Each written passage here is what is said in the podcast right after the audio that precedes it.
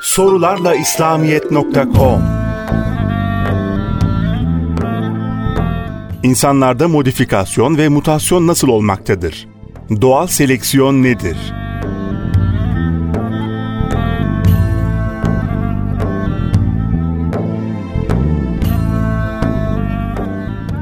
Hz. Adem babamızın genetik yapısında kıyamete kadar gelecek bütün insanların renk ve ırk karakterleri mevcuttu. Tıpkı şimdi her bir insanda kıyamete kadar kendi neslinden gelecek insanların renk ve ırk karakterlerinin mevcut olması gibi. Her bir insanda bu karakterler genetik olarak şifrelenmiş halde bulunur. Şimdi insanların tamamındaki bu genetik karakterlerin toplamına insanlığın gen havuzu denir. Karadenizli birisiyle Akdenizli birisinin evlenmesi halinde bunlardan meydana gelecek çocukların genetik karakterleri o anne ve babanın gen havuzlarında potansiyel olarak bulunan karakterlerin bir kombinasyonundan ibaret olacaktır. Söz gelimi bu anne ve babanın dış görünüşünde sarışınlık yoktur. Ancak bunlardan birisinin 20 nesil öncesindeki bir atasında böyle bir karakter mevcut olsun. Şimdi o anne veya babanın genetik yapısında potansiyel olarak mevcut olan o karakterin onun evlatlarında ortaya çıkması mümkündür. O genetik karakter için şartlar uygun olursa ortaya çıkar. Belki de şimdi değil de 20 nesil sonra şartlar uygun olunca o karakter ortaya çıkacaktır. Bu şekilde insanların genetik yapısında potansiyel olarak mevcut olan ve zamanla şartlara göre karakterlerin ortaya çıkması genetik açılım olarak ifade edilir. Bunun mutasyonla bir ilgisi yoktur. Mutasyon genlerde meydana gelen ve yavrulara geçen değişikliktir. Mesela hamile bir kadında tek hücre halinde yeni teşekkül etmekte olan bir bebek, radyasyona veya röntgen ışınlarına maruz kalsa, o ışınlar bebeğin tek hücresinin içerisinde bulunan ve genetik karakterlerinin şifrelendiği 46 kromozomdan birisinin bir bölgesini veya parçasını tahrip edebilir. Kabul edin ki kromozomun tahrip edilen bu bölgesi, kolun birisinin teşekkülüne sebep olacak genetik karakteri taşıyor olsun. O zaman tahrip derecesine göre ya o çocuğun kolu hiç olmayacak veya anormal bir yapı gösterecektir. İşte bu mutasyondur. Ama bir kişinin kolu trafik kazasında kopsa, bu değişiklik onun evlatlarına geçmez. Yani trafik kazasında kolunu kaybeden kişinin çocukları, onun gibi tek kollu olmaz.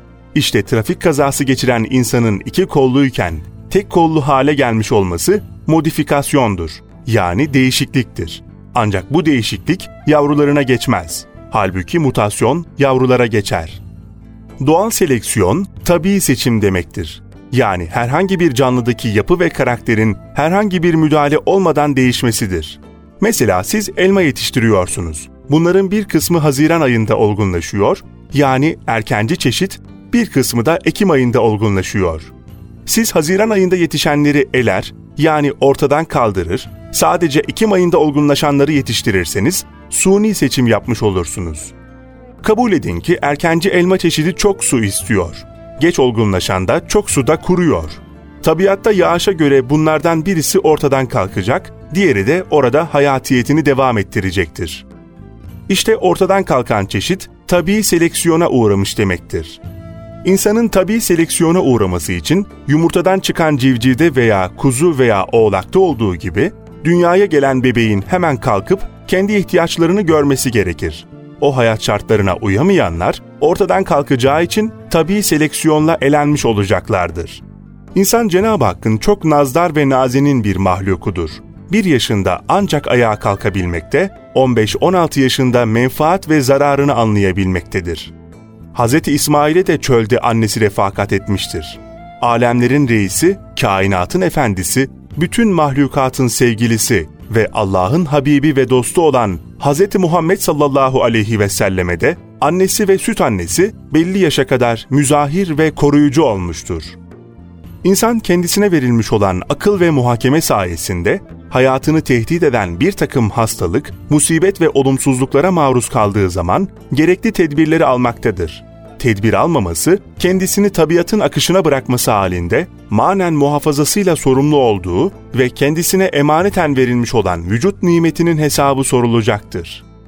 İnsan henüz kendi hayatını muhafaza yaşına gelmemişse, ona bakmakla yükümlü olan kimseler, onun hayatını tehdit edecek olumsuzluklara karşı tedbir almakla sorumludurlar.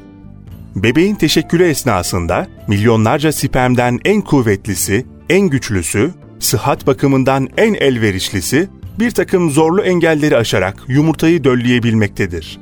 Burada zaten Cenab-ı Hak insan için hayat şartlarına en uygun olanı seçmiştir. Dolayısıyla insanda tabii seleksiyonu düşünmek mümkün değildir. Sorularla İslamiyet.com